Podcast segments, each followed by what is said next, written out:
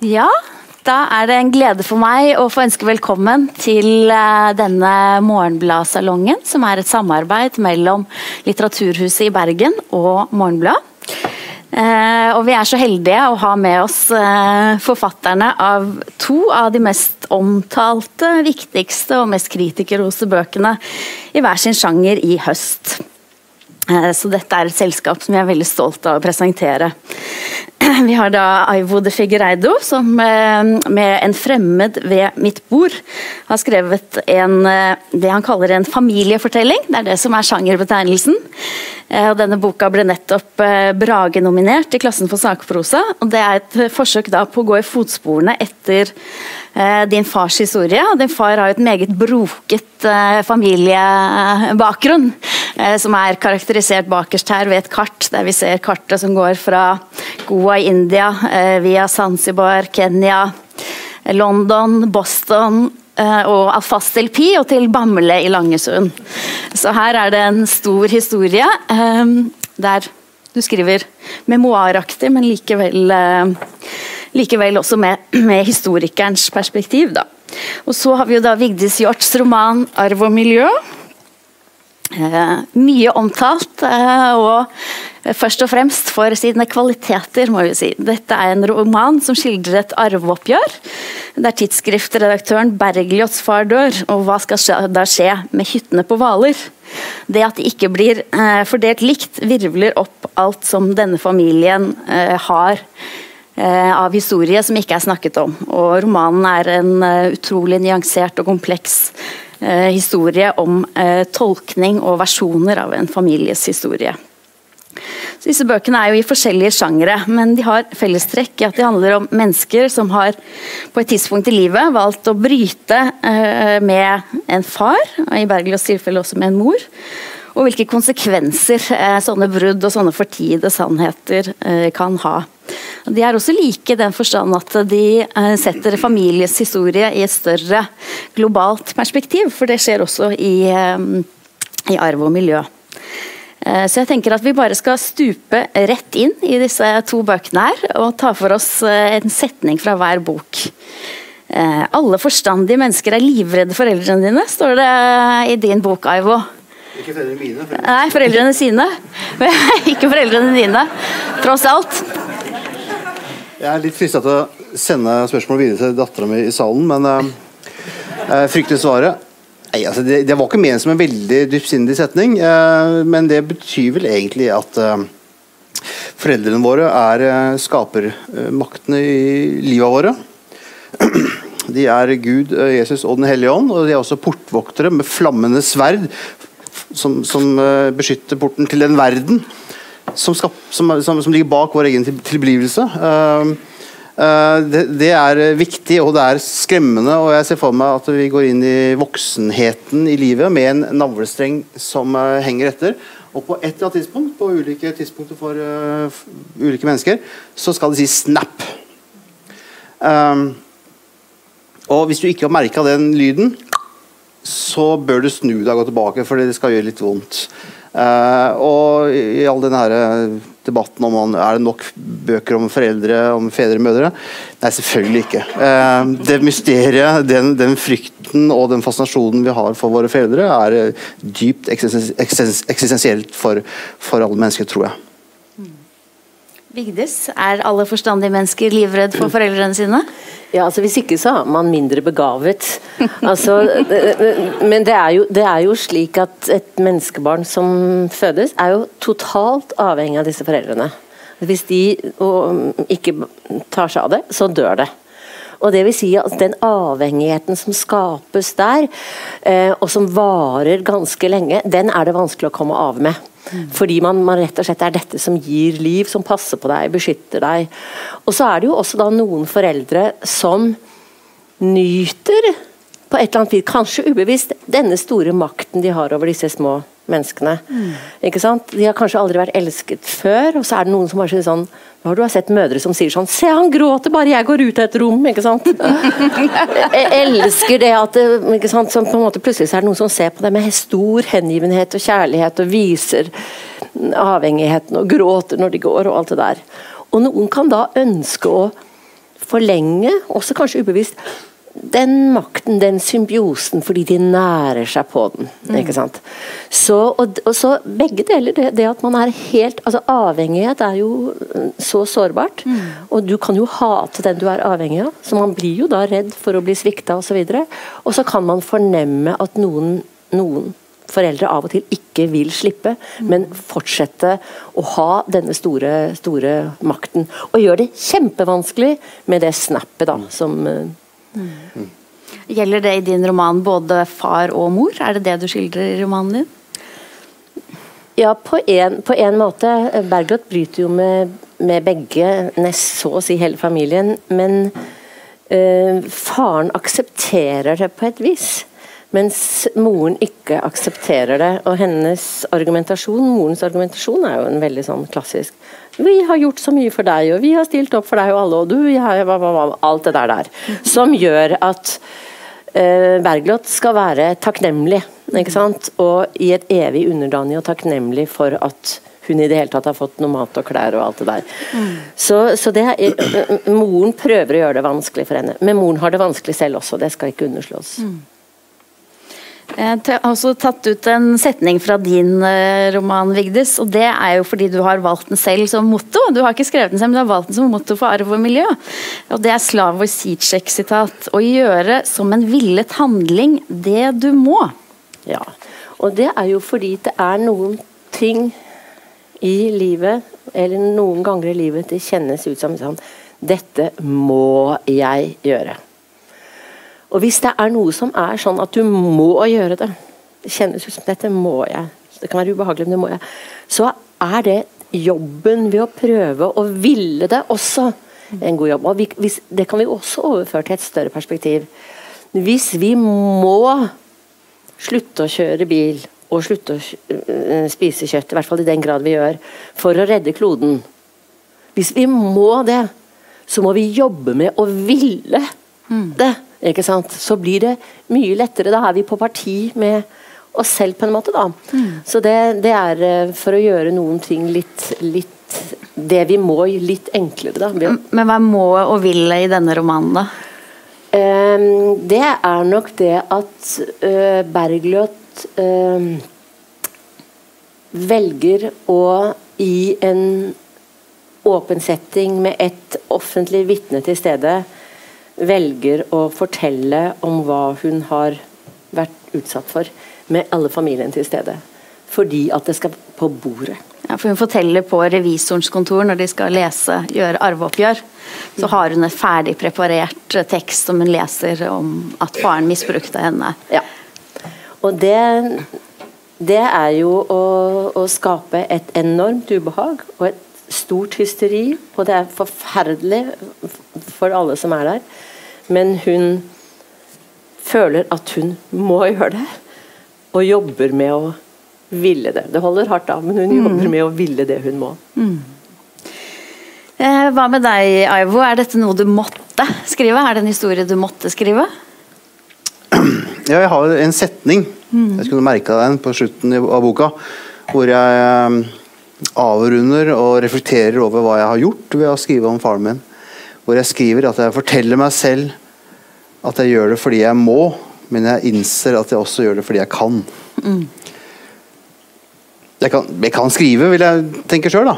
Uh, det er iallfall det jeg gjør. Og når jeg skal tenke veldig kompliserte ting, så har jeg en tendens til å skrive det. Uh, så ja, jeg, sånn subjektivt opplever jeg at uh, det var noe jeg måtte gjøre uh, for å komme til en forsoning, for å komme til en erkjennelse. Det, det noe, jeg kan ikke se at det ville vært noen annen måte å ta dette her oppgjøret med med faren min og min egen historie. Og det kom på det tidspunktet i livet med full midtlivskrise. Om et voldsomt emosjonelt trykk. for den Boka her er en ganske vill bok, som, jeg, som, som til meg å være iallfall. og jeg tror det synes ennå, etter all redigering og sånn.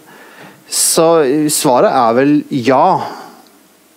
Men jeg må føye til det at jeg også gjør det for jeg kan. Jeg kan liksom ikke komme bort fra øh, Hviske Viske meg egen, mitt eget valg ut fra den handlingen jeg skriver. Det er jo noe som du også beskriver der i den boka hvor Aivo går rastløs omkring i byen og på en måte ikke finner ro og alt det der. Og da, det er jo på et tidspunkt i livet som litt uavhengig av hva man har opplevd og i hvilken situasjon man er i, hvor dette må kommer til en. Altså, nå må jeg noe. Dette klarer jeg på en måte ikke bære uten jeg, Dette må ut. Dette, dette, må jeg ha sagt, eller noe sånt noe. Nå har jeg med et Hanne Arendt-sitat som jeg syns passer på begge disse bøkene her. Og hun sier i den boka som heter 'Vita Activa', altså 'Det virksomme liv' så snart vi begynner å snakke om ting som, kan, som har sine erfaringssteder i det private og det intime, tenker, tenker vi dem ut i et område hvor de får en virkelighet som de aldri før har oppnådd. Samme hvor intenst de måtte ha berørt oss. Nærværet av andre som ser det vi ser og hører det vi hører, forsikrer oss om vår egen og verdens realitet. Og det er jo noe med det at for Man kan tenke seg ja, men du måtte skrive, du, kunne du gjort det for deg selv og lagt i skrivebordsskuffen? Hvorfor skal disse tingene ja. utgis? Det er jo det er, mange som vil føle at de har en historie, men ja. de er ikke forfattere. Nei, men da er det både dette at man kan, men det er også det å bringe det ut for å på en måte gjøre det virkeligere, enda mer intenst, både for de som skriver, men også for de som som kan lese og ta det imot da, og kjenne seg igjen i det. ikke sant? Når du sier det, så sitter jeg og tenker at jeg, men det er noe med den karakteren jeg er som menneske. Da, og dette er, veldig, det, dette er veldig meg, hele boka, og måten det er løst på. Uh, at jeg er litt redd for å falle i en selvromantiserende rolle. Selvfølgelig fordi jeg har sett Ibsen-biografi, og han sa jo det gjelder at ville det man måtte. ikke sant? Og jeg har liksom ikke lyst til å være Ibsen heller. Uh, hvem vil det? Uh, uh, men samtidig så prøver du å få ut skjelettene i din eget familieskap, ja, jeg, som er akkurat Ibsen. Jeg vil bygge meg selv ned. Jeg vil, jeg, vil meg, jeg vil, ikke helt stå for det jeg gjør, og jeg prøver å være hensynsløs på en hensynsfull måte. og jeg, jeg, ser at ikke det går opp, men det, det, eneste jeg virkelig kan si må til, er at det må, måtte bli sånn. Jeg måtte skrive det sånn. Mm. Med alle forbeholda, med all selvbebreidelse for at jeg har gjort det jeg har gjort. Eh, for det er eh, sånn verden det er for meg. og Livet det er en e, evig selvbebreidelse og, og aktivitet. Det går utover og går innover hele tida. Og det måtte synlig, synliggjøres. på en måte. Men det, det gjør det jo. Altså, det er jo fordi at det er ikke bare du som har det sånn, at man mm. også velger å skrive om det. Eller som Gunnar Eklev sier, det som er botten i deg, er botten også i andre. Mm. Og det vil jo si at eh, Når jeg skal skrive en bok, så begynner det alltid med et eller annet som brenner hos meg. Et, noe som angår meg helt privat. Men jeg, og som jeg har fått lyst til å forske som er uklart. Uløselig for meg. Men jeg ville aldri giddet å skrive en roman om det hvis jeg ikke også samtidig tenkte Men dette, sånn har mange andre det også. Mm. Åpenbart. da ikke sant? Så, sånn at Hvis det angikk no, en, en, problematikk som var min alene, mm. så ville det ikke være romanstoff. Og Det får du kanskje mer erfaring med etter hvert som du har utgitt romaner ja, da, og ser ja. at det kan fungere. Men det er en tro på øh, Jeg skal ikke overdrive øh, her. Altså, jeg har en tro på øh, at det jeg skriver har en verdi. At det å skrive har en verdi. Det har vært helt utenkelig å ikke utgi da. Mm. Da ville jeg fortsatt i den samme mølla. Det å utgi det jo da, har jo for ikke noe med forfengelighet å gjøre, se hvor flink jeg er til å skrive. Det har noe å gjøre med at når du publiserer det, da sender du det av gårde. Mm. Eh, og da virker det i en annen verden enn den kom fra. Eh, og da kan du si at eh, jeg er ferdig. Mm. Men først da. Bare sånn din bok for de som ikke har lest den. Hva i din fars historie og din families historie var det du måtte ta et oppgjør med? Vel, uh, min, faren min var uh, en, en, en, veldig aggressiv og rasende mann med en voldsom emosjonell uh, trykk, som vi, som vi, alle distanserte oss fra. Han var voldelig. så det var sånn sett en traumatisk oppvekst, som jeg som 13-åring stengte ham ute av livet mitt for, han, for å kunne leve.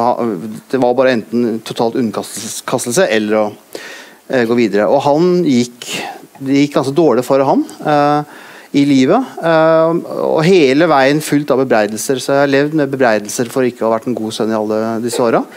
Og når jeg kom til denne, denne krisa i mitt eget liv, den sjarmerende midtlivskrisa, som jeg forsøkte å gjøre litt festligere ved å kanalisere det. At det smelta sammen. Min oppløst, I min oppløste tilstand. Jeg var skilt i seks uker. Det var forferdelig. Og for alle som skiller seg midt i livet Det varte ikke så lenge da jeg, jeg fikk lov til å komme tilbake. Uh, uh, men den, den, følelsen av oppløsning uh, etter et mangeårig ekteskap, hvor du føler at du smelter innvendig for meg, Det var helt påfallende hvor, hvor jeg da, da, begynte å interessere meg for faren min, som da har vært i, i en tåremot oppløsning så lenge jeg kan huske. Og, og jeg begynte å beundre, altså Han var en brutal, brutal mann, han var en, en, en manipulerende mann. Uh, og all mulig grunn til å holde ham ute av livet, iallfall når du er ung og du, du, skal lage ditt eget liv. Men der og da så merka jeg en, noe jeg aldri hadde en, til, altså, jeg trodde, en tiltrekning til den hensynsløsheten og den, den, den undergangsstemte hensynsløsheten som han har fulgt hele veien ned. Og, og Jeg ble fascinert av han og, og, begynte å se etter det i meg selv. og Hans oppløsning ble min oppløsning. og Dette gikk da inn i dette arbeidet. Og så ble jeg besatt av emnet. Mm. Og Utover det klarer jeg ikke å forklare det. Da bare gikk det av seg sjøl. Mm. Um, du har jo eh, tidligere i høst eh, sagt at eh, du har blitt intervjuet om denne boka som har en spesiell form. Den heter 'Familiefortelling'. Du er mm. historiker, sakprosaforfatter. Men du har sagt at du leter etter en tredje lesekontrakt, og vurdert om du kunne skrevet din historie som en roman. Ja. Da sammenligner jeg, sammenligner jeg i og for seg ikke med, med Vigdis som har skrevet en roman. Da sammenligner jeg meg med den typen uh, romaner som har en, en mer direkte virkelighetskontakt, som du finner hos Knausgård, etter min mening også hos Linn Nordmann. Sanne romaner, eller memoaraktige ja, ja, som, som, som, etablerer en breiere uh, virkelighetskontrakt med leseren, med direkte virkelighetskontrakt med leseren enn det uh, Forholdet mellom virkelighet og, og, fiksjon i, i, en bok som uh, og Miljø vil jeg si er en nøkkelromanproblematikk som vi kjenner kjenner, som i og for seg ikke er nytt. Men jeg vil si at det er noe nytt med Knausgård og med, med Lune Ullmann og den type bøker. Og Der tenker jeg at vi tilhører noe av den samme sjangeren, bare at jeg kommer fra sakprosasida. Men når jeg kalte den familiefortelling, så er det vel fordi at jeg tenker at vi som er forfattere, vi skal være som sauer som, som, spretter rundt på jordet. Og så skal folk som Ane, som er eh, kulturredaktør i Morgenbladet og kritiker, eh, og skal litteraturviter, de skal komme løpende etter med gjerder og forsøke å fange oss igjen. Og så skal vi hoppe over disse gjerdene og så skal vi gjøre det vanskelig for dem. Eh, er som, så Jeg angra litt på den uttalelsen i Morgenbladet at jeg sa noe sånt. Men, men ok, nå har jeg alt, alt gjort det. Da jeg skrev denne boka her, så, så visste jeg at ja, jeg har en virkelighetskontrakt. Samtidig skriver jeg min egen erkjennelsesvei i livet. Uh, og den er ikke dokumenterbar på samme måten. Jeg har aldri følt og opplevd at jeg konstruerte litterært så mye som jeg har gjort nå. Hva følte jeg da jeg så sto foran mitt, min fars hus på Sansebar? Vel, noe da, men mye seinere. Uh, eh, du kan ikke rekonstruere din egen indre altså Det, det ble behov for en den indre sannheten, den indre reisa, uh, blei uh, fulgte andre regler enn den ytre, som man kan dokumentere gjennom en, en, en sakprosabok. Så det er der jeg mener at det, det, ligger et eller annet sted imellom. Mm. Ja. Tror du han kunne klart å skrive en roman ut fra dette stoffet, Vigdis? Ja, det, det, tror jeg, men den ville sett annerledes ut, tenker jeg. Altså, det er eh, og det, altså, Noe av det som er uh, altså, et Det finnes jo ikke noe én-til-én. Altså, Knausgård sier at han, har liksom sånn, uh, at han er opptatt av virkeligheten, eller han sier det kompromittert meg til virkeligheten. eller sånt noe. Men det er klart at seks bind er ikke nok til å fange et altså det du skal begynne, Alle dere har sikkert tenkt på å skrive en eller annen roman om dere selv. og Hvis dere da tenker at dere skulle begynne, skulle dere begynne med alle folka i gata? Alle de 30 personene som dere gikk på skole med i første klasse? Eh, nei, idet dere skal begynne å skrive for å prøve å fange et liv, så må dere gjøre fravalg hele tiden, og alle de valgene er med på å sirkle inn. Altså Hvor du setter passer ned, vil være avgjørende for hva du sirkler inn i forhold til hva du hadde satt ned et annet sted. Og de tidlige valgene er veldig, liksom, um, veldig avgjørende. Men, men um, det jeg skulle si, var at uh, dette jeget i din bok er så nært som man kommer til Aivo. Altså, du sier 'jeg', og vi stoler på at det er du mm. som reiser, og det er din far, osv. Og jeg har også skrevet en jeg-roman, mm. men det tar ganske lang tid å klare å bruke et jeg i en roman som ikke er jeg. Mm. Og det tror jeg at De første bøkene mine så skrev jeg om jeg, men da var det meg. Ikke sant? Og så, så skal du ha trening med å skrive romaner til at du kan etablere et jeg som faktisk ikke er meg. Og hvor du, dette jeget står i forhold til meg, kan være uavhengig. Det er det ene. Og det andre er, eh, tenker jeg, som Du kunne skrevet roman på omslaget, og det ville blitt Ja, ja. tapt, tapt som en roman. Det er ikke noe tvil om. Da ville man blitt kjøpt inn på innkjøpsordningen, du ville tjent mer penger osv. Men, men, men, Hva er ofre for litteraturen? ja, men, og det, det er veldig interessant. og det, vi er, det er veldig interessant det stedet vi er nå, i forholdet mellom sakprosa og såkalt sakprosa og, og romanlitteratur, som kommer fra begge sider av feltet. Både Knausgård og Linn Ullmann, som du nevner, men også fra Morten Strøksnes og Aivo. Og andre som eksperimenterer med den formen, og som noen forfatterbiografier har gjort, biografer har gjort før. Sånn som Øystein Rottem når han går inn i hodet på Sigurd Hoel um, og sånne ting. Så, så, så det er et interessant felt. Men eh, der hvor jeg merker f.eks. at sakprosaisen kommer inn i Aivos bok, det er at når jeg refererer til Jeg kan f.eks. skrive Freud sier et sted at Og så kommer det et eller annet sånt noe. Mens der er Aivo veldig Da sier han Graham Greene skriver i den og den boken i 1948. Altså Du dokumenterer, Ja, ja. og da kommer vi i den stemmen som vi da er inn i. Som i de på en måte, er der, der kommer man litt sånn ut av den At da kommer disse faktagreiene inn. Eh, Da. Okay, ja. Da, da må jeg skyte, få lov. Ja, ja, Eh, dette er det vi er her er for å jeg er diskutere. Du har rett i alt du sier, men det kan også sies på en annen måte. Uh, fordi jeg Var det smart, eller? Uh, fordi jeget, Aivo, i min eh, og pappa altså, de, Vi er også karakterer. Jeg, jeg tror jo ikke at jeg er jeg. jeg altså, de- og de, alle skriver sakprosa ja, Om dere skriver dagbok, så er det jeg dere nedsetter, er en karakter. Uh, det er ikke identisk med deg. Uh, vi kan si det veldig enkelt. All litteratur er fiksjon. All litteratur handler om virkeligheten. Ja, Hva ellers? Ikke sant? Ja. Eh, så jeg tenker, og jeg har ikke fortalt alt om meg selv. Eh, Jeg har valgt ut hva jeg skal fortelle om meg selv. Og, og den er ikke identisk, fordi det jeg kaller meg selv jeg, så er jeg en karakter, og min far er en karakter, osv. Men det er, jo, det er jo sant. Det er, jeg, jeg er jo sakprosaist på den måten og Der har jeg nok sånn visse visjoner. da. Eh, fordi denne grensa mellom fakta og fiksjon som alle er så opptatt av altså De som leker seg med den har gjort det interessant, det er romanforfatterne. Det er de færreste sakprosaister som har forsøkt å, Det er det som kanskje jeg bidrar med. Morten, som du nevner. eh, som begynner å, å utforske disse grensene fra Åsne Seier. og Åsne vil også gjøre, absolutt gjøre det. Unnskyld, jeg må ikke glemme Åsne her. Det er, det er liksom eh, eh, På veldig ulike måter. Eh, men når jeg da skriver Graham Greene skrev, eh, så er det et poeng for meg. Og der Jeg har ikke noe behov for å gå rett med kritikken, for det syns jeg har vært fantastisk.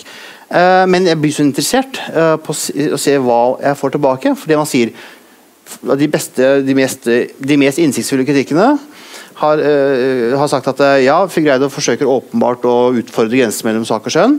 Han har en slags prosjekt. Uh, og, og så sier de ja, og vi liker aller best når han skriver om mor, det nære hjertets smerte. Han er litterær, men så blir det kanskje litt mye detaljer. Men Det kan hende at de er rett, og det skal jeg ikke si noe om det, men, men ideen da min er at hvis du, okay, hvis du tenker en akse Altså Det ene har det litterærspråket, det skjønne, og det andre har det det saklige. Og I det, det litterære uh, enden så vil du ha show not tell. ikke sant? Du vil ha, du vil ha, ha lada språk, flertydigheter, altså mange typiske trekk for romanen. Og i, i sakprosessen vil du ha en tydelig fortellerstemme som er, eh, som er drøftende, argumenterende, forklarende. Uh, uh, og jeg forsøkte å skrive en bok som går over hele aksen. Eh, og, og Ves, uh, Vesen er på har skrevet en bok eh, som heter Be- 'Bend in the River', som er ganske kjent. Uh, der er elven krummer seg. Det har ganske mye samme historie som faren min. Kommer fra Øst-Afrika, ender i England, eh, postkolonial eh, roman. Han nevner ikke navnet på landet eh, karakteren kommer fra, Salim. Eh, det er Kongo, men det står ikke noe sted. Eh, jeg vil ha landet. Jeg vil snakke om Nehru. Jeg vil snakke om britisk kolonialisme. Og der har jeg en, en veldig For jeg leste din bok, som er veldig, som er veldig roman. Universet er familien. eh, det er, det er eh, det enkelte mennesket, Bergljot, og relasjonen til det nære. Men så har du en karakter som heter Bo, eh, som er Bergljots venn. Og de har noen samtaler, biplott, gjennom boka. Uh, teste, har, vi har ikke pratet om det, så nå, nå, nå, nå prøver jeg meg her. Uh, og de diskuterer krigen, Balkankrigen, krigen i Jugoslavia.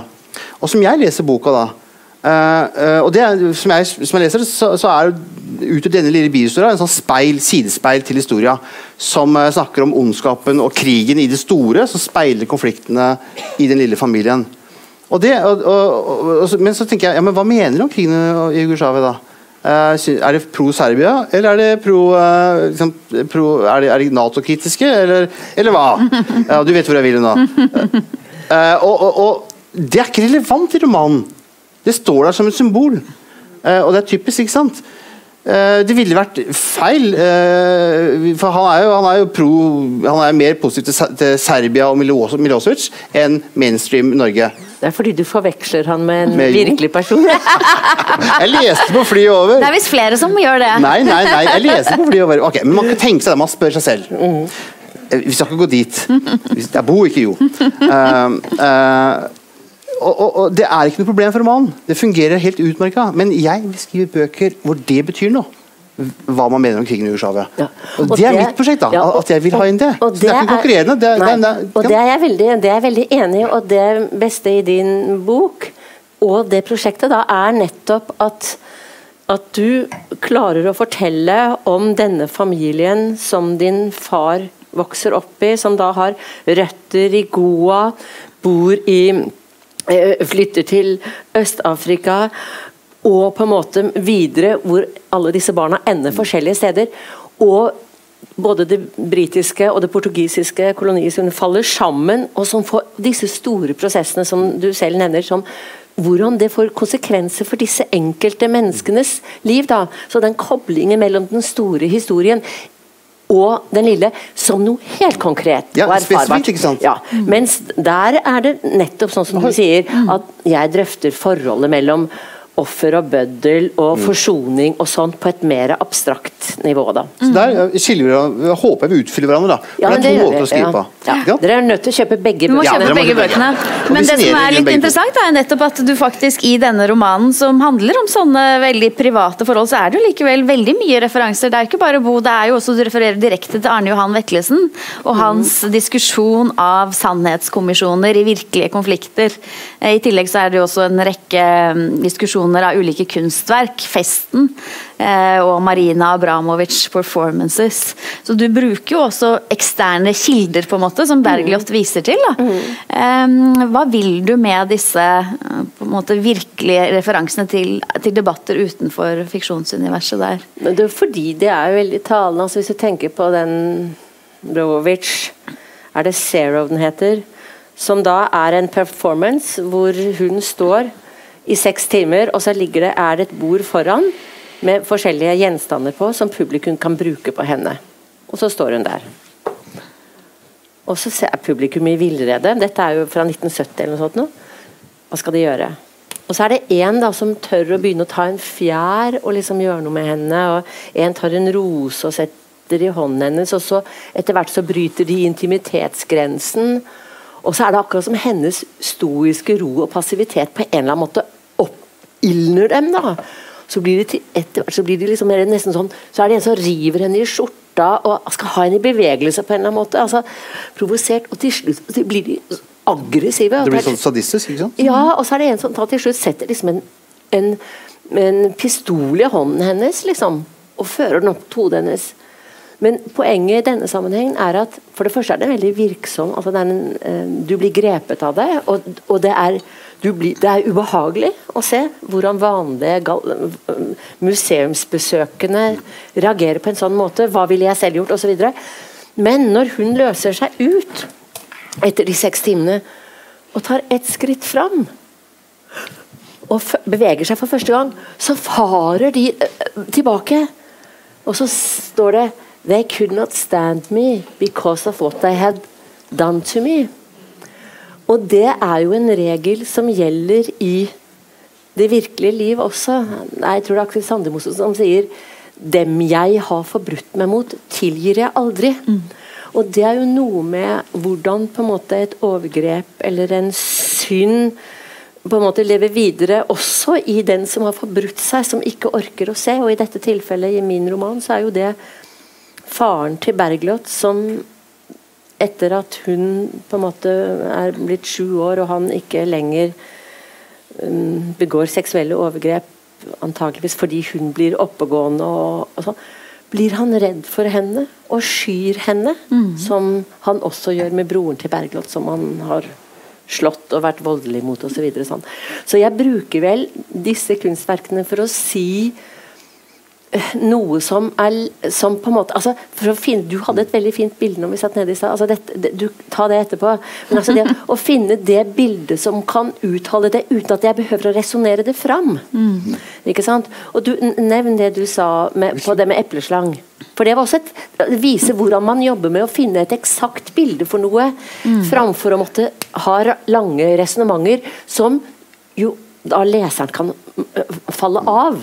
Men det gjaldt jo etikken. Det gjelder alltid noe annet. Vi kan ta det etterpå. Ja. Men jeg syns det, det, er eh, spennende dette filosofiske som Bergljot trekker inn, med krig og forsoning osv. Men er det ikke egentlig sånn at hun trekker inn to forskjellige fortellinger? Fordi Bo han mener jo at det er balanse, at det ikke finnes noe svart-hvitt i uh, Jugoslavia-krigen. Noe som er et kontroversielt synspunkt, på en mm. måte.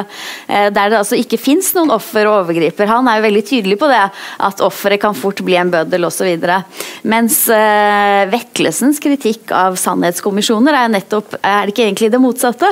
Det er jo nettopp at offeret Eh, må, må, yte mye mer enn eh, en overgriperen. At det blir en ubalanse der. Fordi mm. falsk, Det skaper falsk balanse da, å mm. si at alles historier er like gyldige.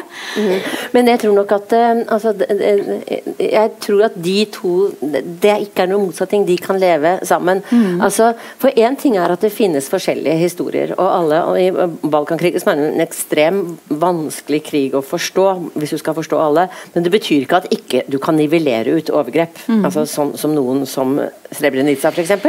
Altså, men, men det er kanskje, hvis du skal for, prøve å forstå det ordentlig, så må man også prøve å forstå hvilke mekanismer, slik som man f.eks. når man prøver å forstå holocaust, prøver å forstå ikke for å tilgi, men prøver å forstå hvilke mekanismer som gjorde det tyske folket i stand til osv. Det er ikke en forståelse som er tilgivende, men det er rett og slett til bruk for seinere eh, forskning. Men, men det at man i en forsoningsprosess skal altså da, eh, eh, For å si det sånn, i en forsoningsprosess så må først alle historier på bordet. Mm. Og det er vel der Bergljot er. altså Vi kan ikke begynne med det. Man kan ikke glemme det, legge det bak oss, sånn, for det er så ubehagelig her. Nei, alt må på bordet. Og så kan man ta det ta det derfra. og Når alt er på bordet, så kan man vurdere kanskje ting opp mot hverandre. Og så kan man etterpå prøve å ta stilling til offer og overgripe, hvordan de skal forholde seg. Altså en lang vei, da. Mm. Og det er stadier på de, den veien som disse kanskje eh, synene er uttrykk for. Mm. Ulike syn er uttrykk for. Ja, jeg, jeg, sånn, Historikeren i meg, for det er en liten kar ennå som er historiker og ikke forfatter blir veldig sånn, uh, ivrig nå. Uh, for Vi snakker om sannhetskommisjoner. Uh, det er ganske komplisert. Det er snakk om, om, store samfunnsstrukturer. Hvordan er det et, et, samfunn går fra krig til fred? Fra diktatur til fred?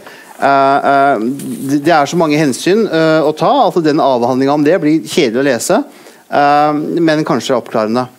Så når du bruker den type motiver. og du skriver at uh, man blir ikke snill av å ha blitt slått, eller man blir ikke snill av å ha blitt øvd urett mot, noe den retninga, så er det veldig riktig.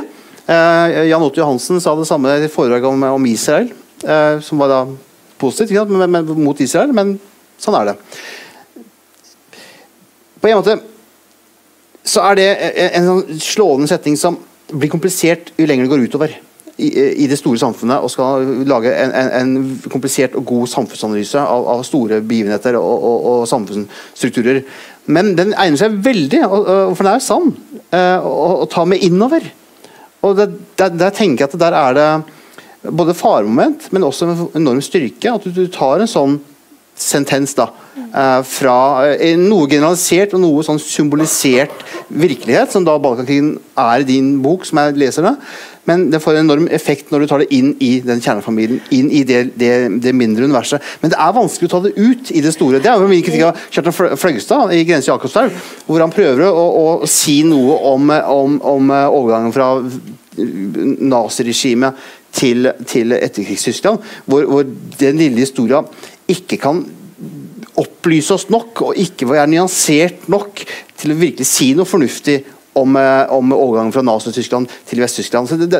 Men, men, det, men det, altså, da vil jeg slå et slag for noe som jeg håper jeg i hvert fall synes din bok, jeg håper at begge våre bøker er på en måte flerstemte. Altså gir stemmer til flere ting. Og at det er liksom et mål både i storpolitikken og i familien. Men for eksempel så er det en, en, en eh, østerriksk jøde, eh, Jean Amery, som ble torturert på det verste under eh, krigen, nazikrigen av Gestapo. Eh, og som når eh, man på 60-tallet Han overlevde så vidt på 60-tallet og sånn. Når alle snakket om vi ser fremover, vi må bli ferdig med dette og sånn og sånn. Og Primo Levi var liksom den store jøden som ikke var blitt torturert, men satt i konsentrasjonsleir. Som liksom, han var den som prøvde å forstå sine ugjerningsmenn, og han var liksom løftet fram.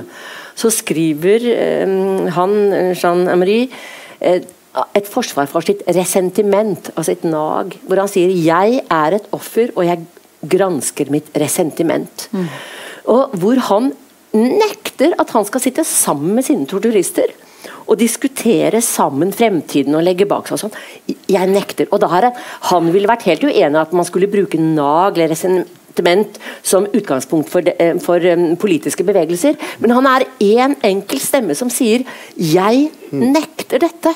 Og at den er viktig, for det er, det er den moralsk sannhet som jeg svikter. Og han argumenterer ganske eh, godt for hvordan man da skulle handle. Det er vel å stå der, minne oss på det, sånn og sånn hele tiden. Og Arne Johan Vetlesen igjen, han trekker dette inn til 22. juli, hvor han sier at det er veldig fint med rosetog. Det er fantastisk kan man si vi skal møte dette med kjærlighet. Men hvis vi og, og bare si fort da før jeg sier det, at det, Primo Levi, som alltid snakket om å forstå sine Hver gang de kom til en konkret situasjon hvor han kunne møte disse tyske mm, fangevokterne, så unngikk han det. Så kanskje han krevet for mye av seg selv. At det var en form for selvløgn i det, det der. Eh, begge tok livet av seg, både Jean Amery og Primo Levi. Men og Vetlesen, at vi må anerkjenne at resentimentet, naget, er et del av det menneskelige repertoaret. Eh, og ikke kreve at mennesker som har vært utsatt for store krenkelser, ikke skal føle på det. De, leve de ut og gå og drepe og sånn, er noe annet, men at det finnes der, da. Ikke sant? Så vi kan jo ikke skrive og det har verken du eller jeg gjort. altså Idealistiske fortellinger, men vi prøver jo da også ta beskrive erfaringer som vi ikke er stolte av. Eller følelser vi ikke er stolte av. Eh, sånn som det, for noe annet ville være løgn og en falsk selvframstilling, da. ikke sant? Eh, For I boken din så er det jo sånn at eh, Bergljot hun står jo hardt på at hun skal ha fram sin historie. Det er jo på en måte kjernen. Men samtidig så er det jo mange punkter i eh, romanen der hun eh, tenker at hun har medlidenhet med faren. Setter seg inn i farens situasjon, forsøker å se det fra hans perspektiv. Også noen, noe fra morens perspektiv. Eh, Hva tenker du om balansen mellom de ulike karakterene der? eh, Eller de ulike historiene? Nei, men det, som, det som er så vanskelig, det er jo at uh, hvis man skulle skrive om de ti første årene av sitt liv Dere som skal sk- skrive romanen om livet deres. Eller sakprosa. Ja, eller sakprosa. Når dere var 20, og de samme ti årene av deres liv når dere var 50 eller 70 eller 80, så vil det bli helt, en helt annerledes fortelling fordi ny innsikt får tilbakevirkende kraft. Og det er klart at eh, På det tidspunktet når Bergljot skriver sin fortelling, så er jo faren blitt, som hun nesten ikke ser, men hun hører av barna som møter han, en taus, tung, innesluppet, innelukket type.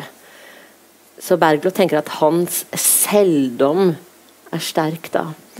Og da kan man jo ha medlidenhet med en mann som kanskje gjorde noen veldig dum, dumme ting i sin ungdom, og som ikke kan gjøres ugjort.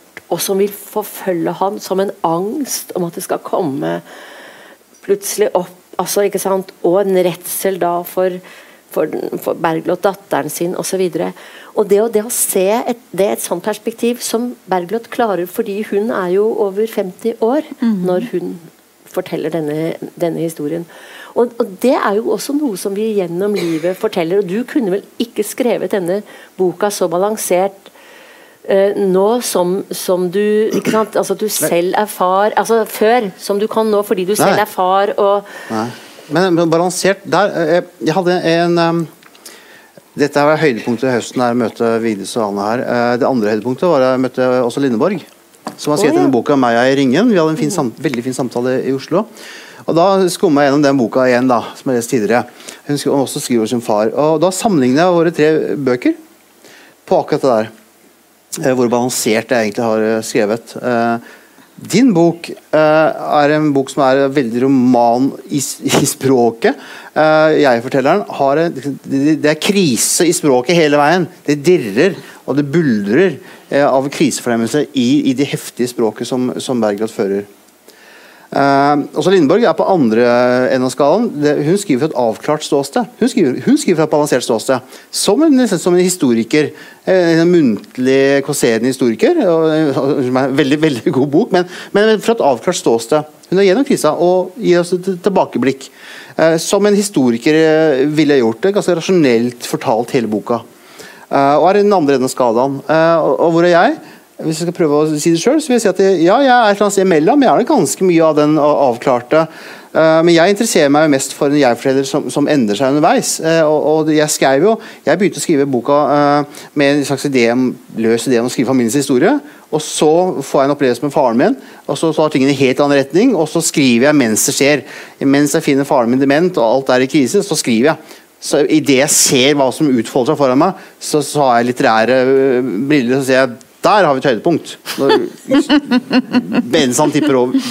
Det er ganske absurd.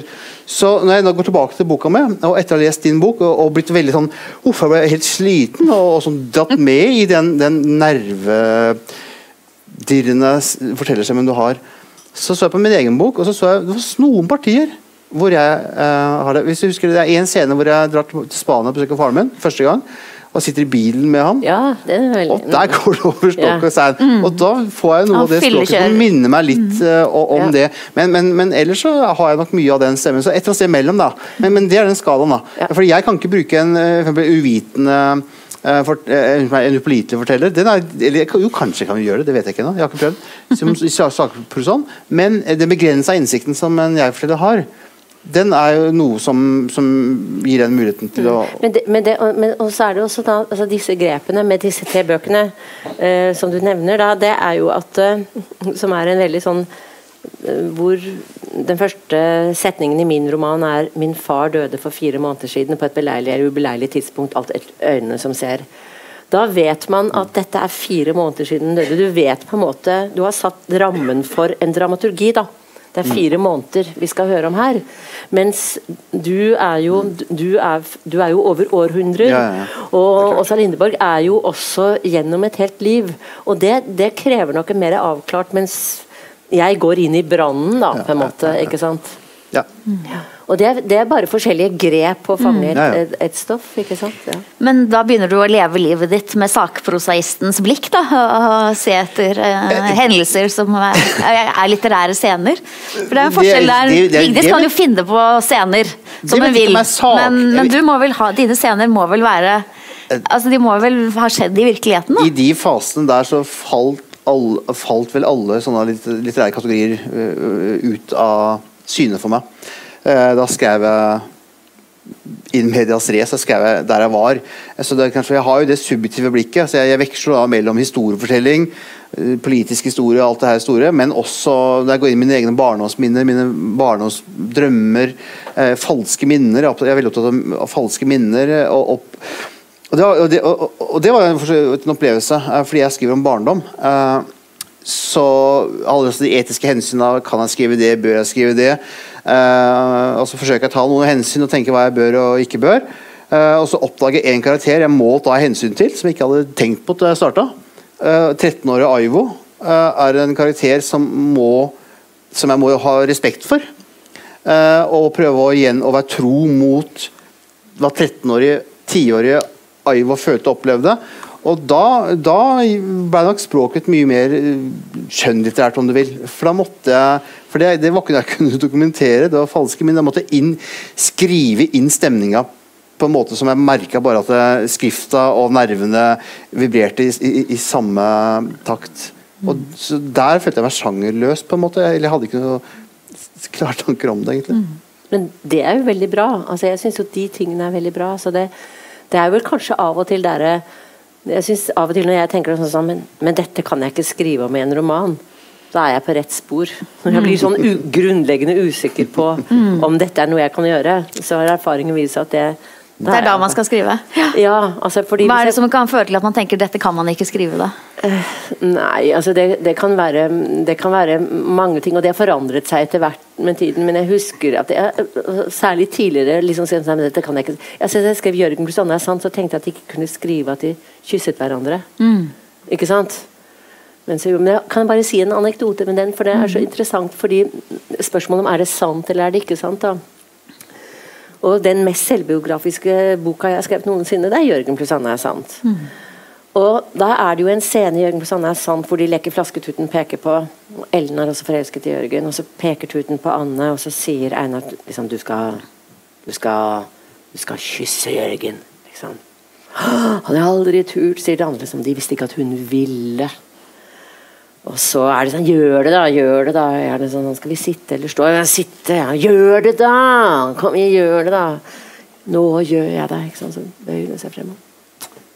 kysser han. ikke sant?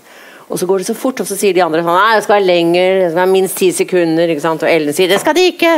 Jo, det må være minst ti sekunder, vi må ta tiden, og så skal jeg gjøre det en gang til. Kysser og så kaster Ellen en uknuselig flaske på henne. Eh, så den knuser da i sjalusi. Og veldig mange barn spør meg liksom, er det sant. Kysset du Jørgen? Og det gjorde jeg jo ikke. Den eneste boka om en av de få ting som ikke er sant. Men jeg hadde så lyst til å gjøre det. Og at da jeg skulle skrive boka, så tenkte jeg nå gjør jeg det. Og så, han, og så går det så fort Så går det så fort at jeg dikter opp hvordan jeg må gjøre det. Litt til. Og det er noen av de tingene som er fint på å være forfatter. Man kan kysse hvem man vil så lenge man vil. Men, det, men, bare si fort. men det er noen som tror at jeg skriver så mye om erotikk fordi jeg driver og har meg så mye. Det er, det er tvert om! Det er mangel på kroppskontakt! At jeg dikter opp Jeg har også en bekjennelse. Ja. Bekjenn i vei. I åpningskapitlet fra barndomskapitlet mitt så skriver jeg at jeg kom i slåsskamp med bønna i skolegården. Uh, og han kaller meg neger. Og det var første gang noen hadde kommet på det. Uh, og så skriver jeg at uh, Det første slaget var ditt? Var det ja, ikke det? Det kan betviles. Denne skildringa er mitt siste sang mot bønna. Det er ganske dårlig gjort, for det gikk ikke så bra med bønna, men uh, det var min eneste åpning i år. Og, å skrive at jeg fikk det siste, siste slaget. Mm. Men det vil jo si altså, at på en måte selv når man skriver sakprosa, sånn, så er det en, det er en blanding selvfølgelig av erfaring. Man kommer ikke utenom seg selv like, uten, man, like lite som man kommer utenom alfabetet. ikke sant? Og så kan man da på en måte her oppleve det man ikke opplevde, som ønsket altså, Uforløst begjær kan jo også være en, en drivkraft. ikke sant? Vi altså- dikter ikke, vi ljuger. Ja, ikke sant? Ja, ja. Innimellom. Du har, du har ulike, det her er du har ulike sannhetsnivåer, som jeg var inne på i stad. Altså den indre sannheten, min erkjennelsesreise, matcha ikke nødvendigvis 100% den, eh, den ytre reisa. Og det eneste grepet jeg har gjort, og det, jeg skal jeg si det, men jeg, har, jeg, jeg vil ikke si i bøkene hvor jeg skal skjule det. Uh, det, er, og det er ikke noe poeng. Uh, jeg, jeg, jeg forskjøv to reiser. Det er det eneste. eneste. Mm. Jeg har ikke rekonstruerte dialoger, jeg, jeg bruker bare kildemateriale. Men jeg måtte bytte om på to reiser. Mm. Fordi den reisa jeg planla altså, Reisen er, er, helt sånn sakprosaktig. Så det, det stemmer som virkeligheten. Men den reisa jeg planla, å reise til India, Øst-Afrika osv., Boston og Spania, var over det hele, eh, den matcha ikke helt den erkjennelsesprosessen jeg samtidig gikk eh, inn i. Mm. Og da, da, da, tenkte jeg at nå kommer fotnotepolitiet fra NFF til å ta meg, mm. men det driter jeg i. Fordi, fordi, fordi, dette er riktig for denne boka. Det ikke, rokker ikke ved at det er en sakprosabok eller, eller at det er en virkelighetskontrakt. Men, eh, men, men, det var sånn Ja visst, dette må jeg gjøre. Og det er jo kanskje et romangrep, da. Og det, og, men det vil jo si at etter hvert som dette romansystemet, eller boka, sakprosa eller roman, sånn, vokser fram du har også skrevet bøker, så får den sin egen sannhet på en eller annen vis. Og det vil si at man tilpasser da det som gjør at det, fordi denne boka skal bli så sann som enten roman eller sagprosabok er eller familiefortelling eller hva som helst. Og det, det er en fornemmelse man har, og en, både en blanding av intellektuell eh, forståelse og, og det, da. Og hvis du tenker deg for eksempel, altså Hvis du tar det litt lenger, sånn tenker f.eks. Når, eh, når Bertolt Best skriver i en devise Regjeringene skriver fredsavtaler. Lille mann, skriv testament. Så er det sant, men det er jo ikke verifiserbart sant. Altså Litteraturen målbærer en, en sannhet liksom hinsides det verifiserbare, og Ja. det må vi tillate at finnes. Det er så mange som målbærer sannhet, men Adorno sier et sted at eh, kunsten er befridd for den løgn å være sannhet. Og det er noe sant, det er en befrielse i, i, i det, da. Jeg er ikke så fine sitater, men eh, Det var ikke, var ikke meningen ironisk. jeg har, det ikke. Eh, men et par kritikere mente, som var positive, mente at boka mi måtte var et debattinnlegg.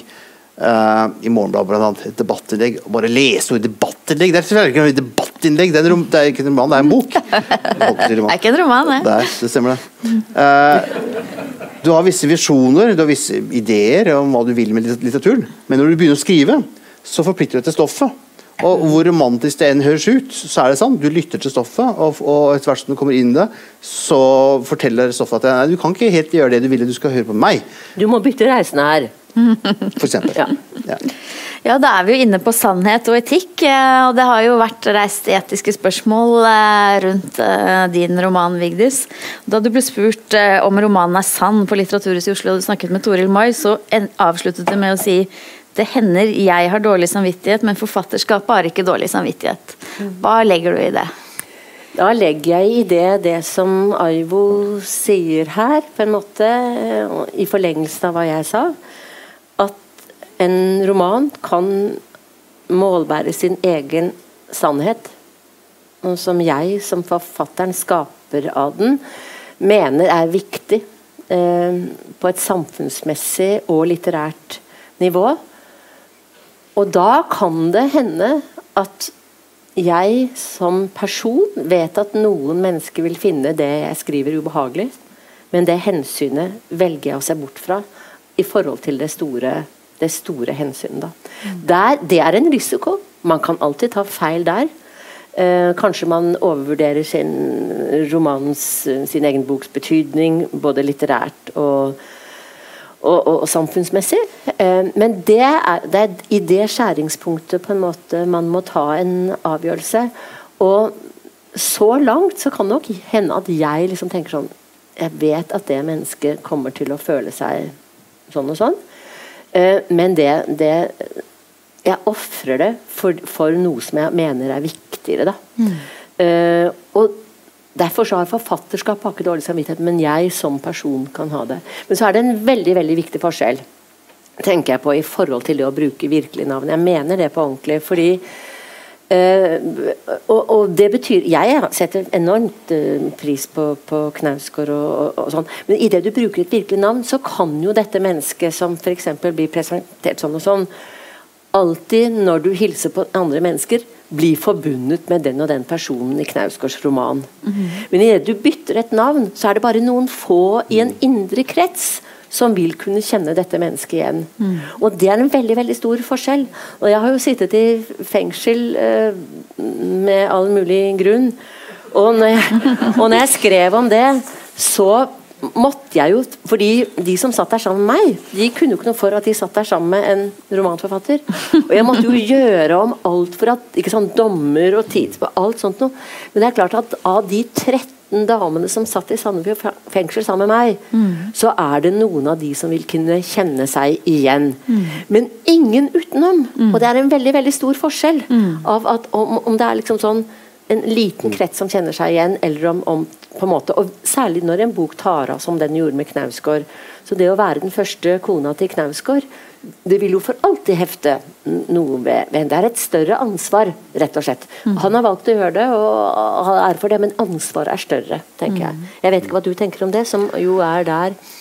Vel, jeg, jeg, hadde ikke noe jeg, jeg, Det måtte blitt en, en, annen bok hvis jeg skulle ha forandra navn. Uh, uh, jeg tror uh, at, at, forfattere, som alle andre mennesker, må svare for sin etikk.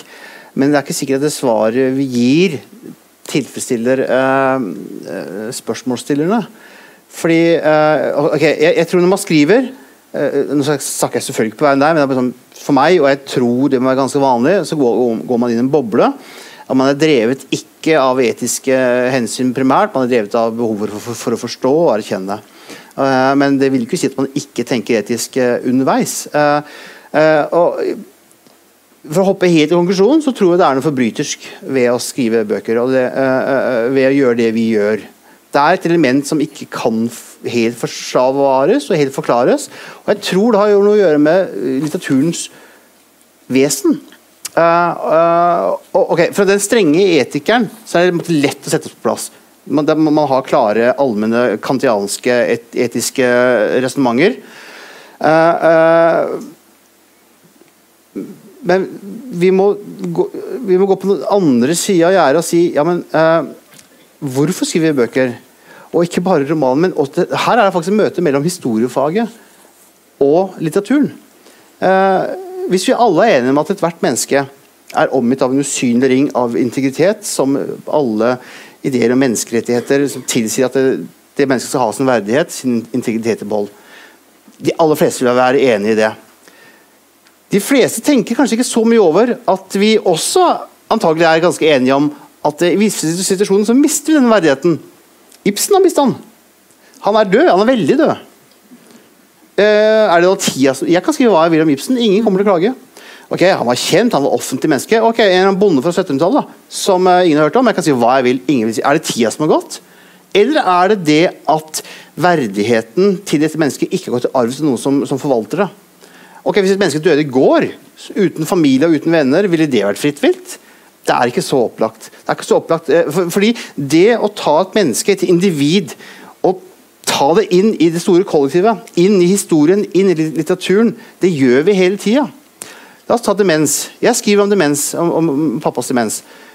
Alle sånne, sånne, klausuler jeg må underskrive som historiker, eh, vil si at jeg, du må ikke skrive om sykdom. Der går det for langt. Men hvordan skal vi skrive om demens i samfunnet hvis ikke pårørende forfattere skal skrive om sine demente foreldre? Mm. Ja, Hvem skal bringe så, så om, Hvilken verdi har litteraturen? Hvilken verdi har historieskrivinga? Hvilken verdi har det å, ta, å gjøre disse uklare grenseoverskridelsene, for de vil at være uklare. Å ta disse sjansene og dra oss selv og andre mennesker med oss inn i det store kollektivet, inn i historien, inn i fellesskapet. For da må man, det, er, det bunner i et verdisyn og et livssyn hvor vi tenker at det, dette, dette har en verdi. Eh, og jeg, jeg, jeg kjenner det i beina mine. Eh, og så vet du aldri om du bærer eller bister. du vet aldri konsekvensene av hva du gjør. Men du tror på at litteraturen og historien har uh, en verdi. Og den er litt vanskelig å forsvare. Den er litt aristokratisk. Men altså er det også noe med det at jeg tenker på at jeg tenker på min roman som ledd i en ganske sånn stolt kvinnelig tradisjon som har handlet om å kaste lys inn på altså, det som har ligget i skyggen, da. ikke sant? Og tenke på hva som hadde vært hvordan, eh, Hvilken enorm betydning det har vært at Amalie Skram har skrevet om fattigfolk, om kvinnelig alkoholisme. Sigrid Undset som åpner en bok hvor hun skriver at 'jeg har vært min mann utro'. At hele kvinnebevegelsen har gått ut der og beskrevet seksuelle overgrep og, og og mm, vanskelig eh, mm, patriarkalske eh, menn altså, det, det, har jo enormt stor samfunnsmessig betydning at noen kaster lys over det som har vært tabubelagt, og, og sier på en eller annen måte 'du er ikke alene', og det finnes noen veier ut. Og en, filosof, en språkfilosof som heter Can, Can, Cavell, skriver et sted at det, sier at du må ta dine egne erfaringer på alvor. Virkelig ta dine egne erfaringer på alvor og rette din oppmerksomhet mot dem. For det er det ingen andre som gjør. Det kan bare du gjøre. Så sier han men det er ikke nok. Du skal også prøve å sette ord på denne erfaringen for, eller opplevelsen. For først når du gjør det, vil du erfare hva den betyr. Og at det var kvinnebevegelsens store forse. At de insisterte på at kvinner skulle ta sin egen erfaring alvorlig. Søke å sette ord på dem, og gjøre disse erfaringene til objekt for for politisk analyse. Mm. Og når du snakker om, eh, om bare, bare fortsetter veldig fort. Nei, bare fort. Nei, og, bare fort. og så sier han også at men det er veldig skummelt. Det er kjempeskummelt å ytre seg. For du kan hende at du blir avvist. Og at no, de, de, snakker til seg verden på en helt annen måte. Kanskje føler du deg enda mer alene etter at du har sagt noe, enn da du ikke ytret deg i det hele tatt. Men bare hvis du tør å ytre deg, vil du se hvem du står i samfunn med. Og i det farefulle, men håpefulle at du kanskje blir tatt imot, ligger liksom uttalelsen i det, det håpefulle ligger i det da. Og det er jo noe av det vi begge holder på å si. til tenke, den, Din erfaring, Berglas erfaring, er viktige erfaringer som man kan prøve å sette ord på, og tro at de kan bli tatt imot der ute da. Det er noe håpefullt mm. i det, og noe farefullt. Det er noe usikkert ved det, for det, er ikke noen gitte grenser. Eh, det er lettere å sette ned PFU for pressen. Pressen er enklere, eh, de jobber ikke på den måten. De går ikke i Disse problemene aktualiseres ikke på samme måten, tror jeg. Eh, det er en påstand. Men for å gjøre det her veldig konkret Hvis jeg vil skrive min historie, hvis jeg trenger, hvis jeg må skrive min historie, min barndomshistorie for å komme til klarhet, og dette må skje i form av litteratur, hvor går da grensen mellom meg og min far? Nå er vi tilbake til utgangspunktet. Uh, uh, i, i, i, barndommen så er vi, er vi ett. Vi er et mangehoda troll. Jeg utskilles sakte fra disse menneskene som er mine foreldre. Uh, hvor går grensen mellom to mennesker? Dette tror jeg ikke man sitter og strever med veldig mye med på Dagbladet-desken, men det strever vi med. Mm. Uh, og det gjør det mye vanskeligere. Men i din bok, da, Ivo, så um, det er jo en, for å være veldig konkret det er en scene der du reiser til Spania. Så er du på en bar, og der du treffer en av bartenderne som har, uh, kjenner faren din. Mm. Og så spør du hvordan går det med han, så sier han å nei, ikke så bra nå, du vet det der var before he lost his dignity, før han mistet sin verdighet. Og så uh, finner du, når du besøker han, at han er blitt dement. Og da blir du egentlig rasende på bartenderen som har sagt at det er et verdighetstap og ikke en sykdom.